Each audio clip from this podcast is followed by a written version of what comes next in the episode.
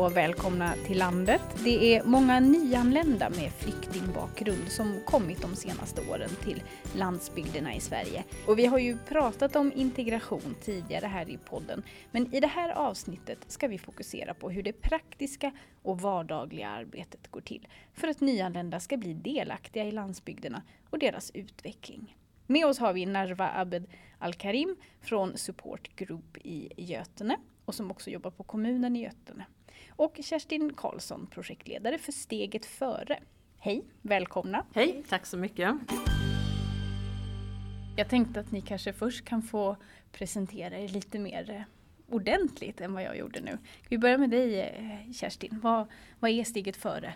Steget före är ett integrationsprojekt som drivs via Framtidsbygder Dalsland, Årjäng, Munkedal. Det är alltså en LIDER-organisation jag jobbar i åtta, de åtta kommuner som ingår i vårt område och jag försöker då hjälpa nyanlända mot eh, en delaktighet i samhället. Det kan gälla jobb, det kan gälla veta hur det fungerar och det kan gälla kanske någon gång ibland att bara göra roliga saker.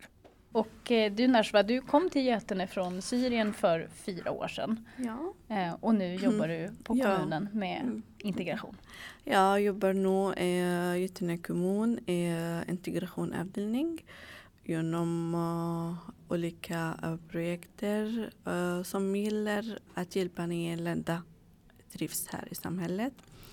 jag är också ordförande för Supportergrupp Götene förening som uh, arbetar mm, mycket genom att kunna uppleva delaktighet. Så supportgrupp jobbar lite som Kerstin också med att uh, inte bara fokusera på att komma ut i arbetslivet utan, utan att delta i hela samhället helt enkelt? Ja precis, vi fokuserar mycket om uh, individ, familj. Så vi försöker att hitta kanaler för dem att kunna uh, få kanske bra utbildning, uh, bra jobb, uh, bra kontakter. Så uh, våra mål är att alla trivs i samhället, särskilt i Götene. Nya siffror kom från Arbetsförmedlingen nu i november och i år har omkring 44 procent av de nyanlända som deltagit i Arbetsförmedlingens etableringsprogram fått jobb eller börjat studera. Mestadels handlar det om olika subventionerade anställningar då. Men är det här en trend som ni verkar av i ert eh, arbete? Ja, men det får jag nog säga att de gör. Sen är det som du säger att det finns olika steg i det här. Eh, ofta är det ju så att man börjar med en praktik och det kan vara på grund av språket eller att man bara behöver se hur det fungerar i Sverige i just det här yrket. Sen kan det leda till kanske en extra tjänst om det är inom kommun eller statligt, landsting eller ideell sektor. Annars så kan det ju leda till någon form av arbete med anställningsskydd. Och det är nog det allra vanligaste att man får gå igenom de här stegen. Man får göra sin praktikperiod man får göra en period med anställningsskydd och sen så kan det leda till ett, mm. ett jobb. När jag jobbade med uh, arbetsmarknadsenheten att hjälpa uh, de som ska få jobb genom extra tjänst. Så jag märkte att de som har fått praktik sen får jobb de kunde utveckla sina språk, de kunde skapa bra relation med svenskar, de kunde förstå hur jobbet uh, fungerar här i Sverige, systemet vi kan säga. Så uh, jag tipsar de alla uh, som kom hit uh, som nya att uh, det är bra att få praktik först. Det är bra att prova hur man kan arbeta, reglerna, uh, instruktionerna. Så det är jätteviktigt att få praktik. Kanske några säger att det ska ta lång tid att få jobb. Men det är första steg som det är jätteviktigt. Vi kan mm. inte hoppa över tror jag. Så man behöver inte vara rädd för att det inte är en anställning utan att komma snabbt ut i, i praktik är, är lika viktigt. Mm. En sak som är viktig där också tänker jag det är att även arbetsgivaren kan behöva tid att lära känna den nyanlände.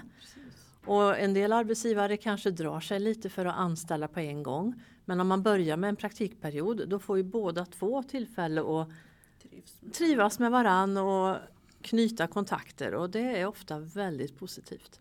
Det pratas ju fortfarande mycket om eh, integrationsarbetet sedan den här stora flyktingvågen 2015. Men ofta handlar det om det här nationella planet och, och det är ganska svepande och sådär. Men tror ni att det är skillnad på att arbeta med integration i de stora städerna jämfört med hur, hur ni jobbar här i era landsbygder?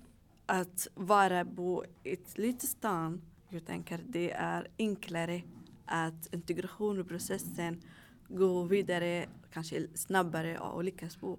Jag har några vänner till exempel som bor i Göteborg. Vi pratar alltid om vad vi gör här och sånt. Så hon säger det är jättesvårt att få stora grupper, att få sådana aktiviteter. Eh, de ungefär små grupper men de kanske de känner inte varandra. Uh, finns integration där, finns aktiviteter men det är inte som här, det här är lättare. Till exempel när jag går på väg, jag säger hej. så många gånger på dag. Vi, vi känner alla varandra. Vi kan informera varandra. Så jag tänker här Att Dina enklare. vänner är lite mer isolerade på det sättet eller? Där, är det sv- svårare i stora staden. Men här eh, i småstaden det är enklare. Att människor kan nå varandra. Mm, hitta ett sammanhang och Mm, precis. Du pratar ju lite om, om behoven. Eh, vilka behov uppfattar ni finns för att komma in i, då, i det svenska samhället med jobb och utbildning och sociala kontakter och sådär, eh, där ni bor? Våra aktiviteter och kurser och allt vi gör kommer från uh, nyanländas behov. Vi alltid frågar dem vad ni behöver. Och vi märkte genom vår förening och genom kommunen att språket spelar väldigt stor roll. Det är jätte, jätteviktigt. Och till exempel, vi har i kommunen after school club-projekt och det är eh, en träff varje måndag. Så vi har en del som heter Lyxhjälp. De som går på SFI de får hjälp från volontärerna som är svenskar. Vi har diskussionbord. Vi alla sitter och diskuterar. Vi har några texter från tidningar. De lånar böcker och kommer tillbaka med sammanfattning och berätta. Det chans att man kan prata med svenskar och förenheter. Vi hade också eh, lite kanske klass för de som är väldigt nybörjare med språket som du behöver börja från början. De kan sitta med två volontärer som de kan få extra stöd. Det är en del. Vi försöker också att eh, räkna hur många kompetenser vi har och vad de behöver att kunna utveckla sig. Vi kan guida dem till vilka utbildning de kan söka till exempel. Uh, om man kan skaffa jobb, man ska, ska eh, känna sig uh, uh, självförtroende, eh, vara nöjd. För att eh, det spelar stor roll med eh, trygghet. Särskilt de nyanlända som kommer från kriget. De behöver Absolut. att få balans i livet. Så det, det är språket, utbildning, jobbet det är viktigt också att nämna eh, bra relationer med svenskar. Vi försökt att nå alla för att de eh, måste ta hand om varandra. Och därför vi eh, använder den kedjestrategi. Jag är här från fyra år sedan till exempel. Jag har ansvarig att hjälpa de som kommer precis nu, de är nya. Tipsa dem, visa dem vägen och så här. Just det. Ja, för supportgrupp här i Götene, det är en form av självorganisering. Jag tänker jag ska förklara det här för er som Mm, Ja, lyssnar. absolut, ja. Eh, och helt enkelt där nya och etablerade Götenebor samlas för att stötta integrationen här i samhället. Ja. Och precis som Nashua beskriver så fungerar personerna i sin tur sen som språkrör till de olika språkgrupperna ehm, och sprider den Ja. relevanta informationen. Och det kan ju vara till exempel att ni översätter eh, kanske information från eh, kommunen till rätt Mm. språk. Men också att, att eh, ni jobbar mycket med, med de här olika delarna i, Ja, ja, i samhället. Liksom. Ja, precis. Genom aktiviteter, kurser, föreläsningar, utbildningar. Vi försöker att eh, hjälpa dem att trivas i samhället. Det är jätteviktigt att stanna kvar. Mm. För att de, Ja, för vad ser du för resultat Vill Ja. de här människorna, stanna de i Götene när de har fått kontakt med er eller, eller flyttar de vidare? Eller? Mm, eh, vi kan säga att flesta som kom hit till Götene stannar kvar. Eller de som har fått jobb på annan stad till exempel. De flyttar.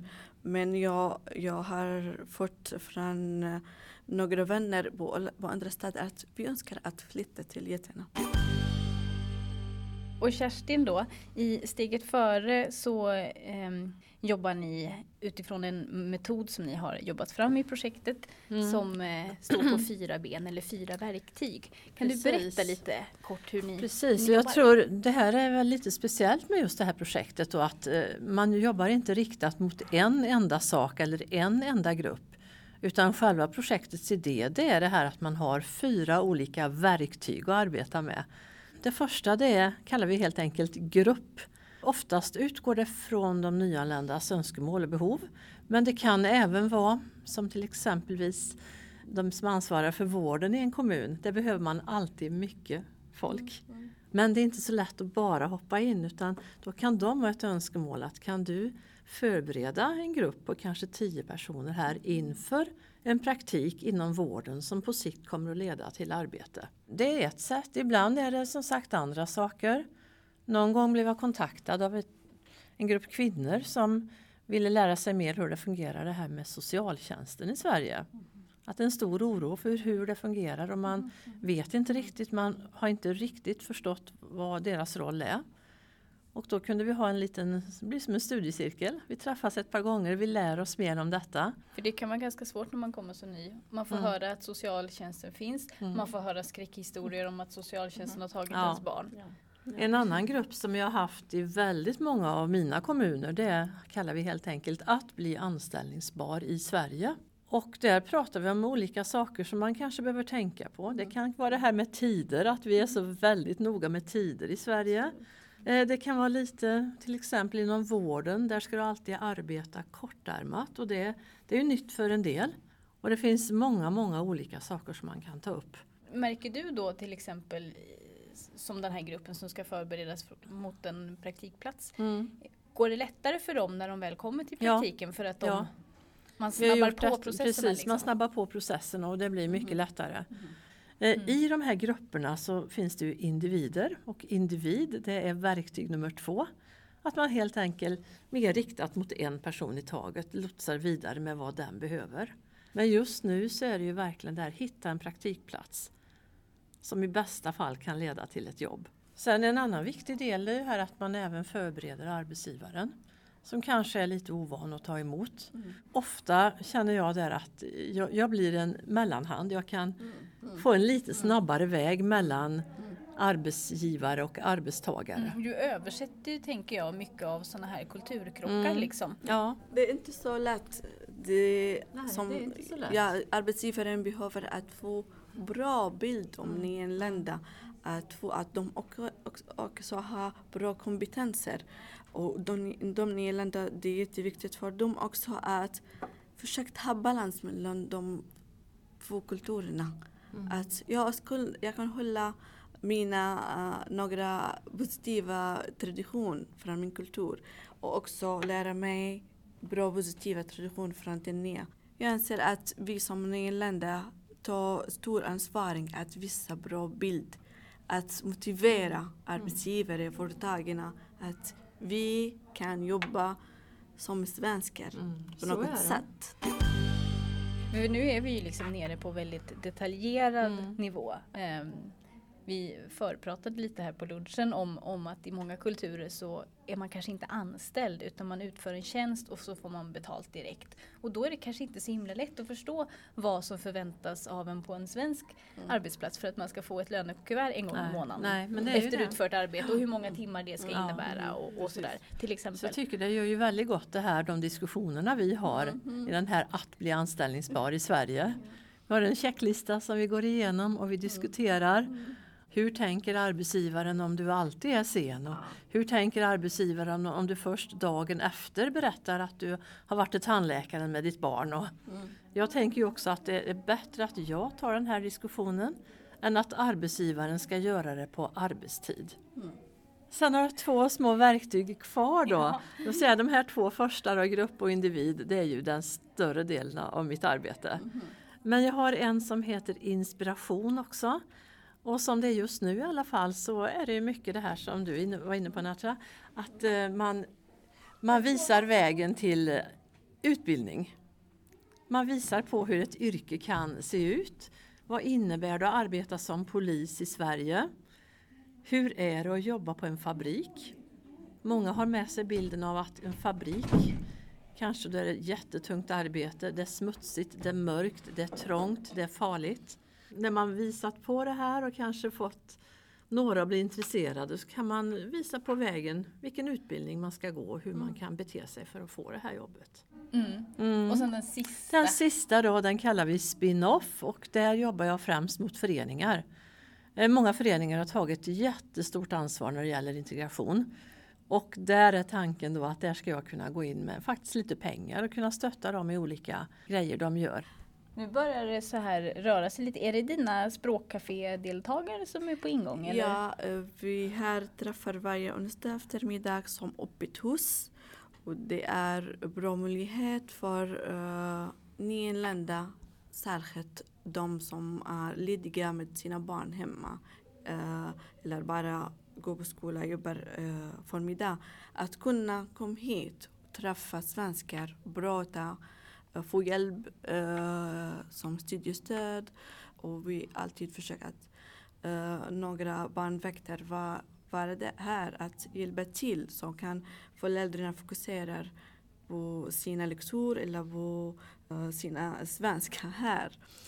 Och idag till exempel vi ska baka bullar, svenska bullar. Mm, ytterligare ett, exempel, ett exempel på, på era olika eh, aktiviteter. Och jag tänker ja. också ganska konkret Eh, om vi nu är nere på detaljnivå igen, mm. så man kan tänka på att om, om vi har ett språkcafé, se till att det finns någon som kan eh, underhålla barnen under tiden. Mm. Så att föräldrarna kan fokusera mm. på mm. eh, mm. samtalen med de etablerade svenskarna och lära sig språket. Ja. Allra sist, har ni två korta tips och råd för att eh, lyckas? Eh, jag tänker på det här med, med tillgänglighet, att man verkligen finns med det går att nå en, folk vet att man finns, man kan ringa och snabb återkoppling. Just det, att du är ja. tillgänglig. Inte jag är tillgänglig. kö som till Arbetsförmedlingen. Nej, nej men ibland, och i våra små kommuner där finns ju kanske inte Arbetsförmedlingen på plats mm. alla gånger heller utan de är i en ort mm. ganska många mil mm. långt bort. Men det här att snabbt kunna ge en återkoppling, snabbt kunna föra saker framåt. Det tycker jag har varit en framgångsfaktor alla nyanlända har uh, ett mål som kommer genom fem ord. Uppleva delaktighet, hållbarhet, integration, kultur och evenemang. Genom de fem ord, hur man kan nå dem att kunna trivas i samhället. Så det är inte så att man måste kämpa. Och vi är här som supportgrupp, förening och kommunen att hjälpa till det är bra att man frågar alltid. Bara fråga. Jag behöver hjälp. Jag, jag måste inte sitta bara hemma. Jag måste gå iväg. Mm. Mm. Bra, det var två perspektiv också. Mm. Dels vad de olika delarna som en asylsökande eller en nyanländ eller behöver för att känna delaktighet men också vad som krävs av den som är, mm. ja. är nyanländ att ta för sig och våga fråga. Tack så mycket för att ni kom till podden Landet och delade med er av era erfarenheter. Tack så mycket. Och är du intresserad av att veta mer om hur landsbygderna löser integrationen så har vi fler poddar på temat. Du har lyssnat på Landet och jag heter Ida Lindhagen. Vi hörs!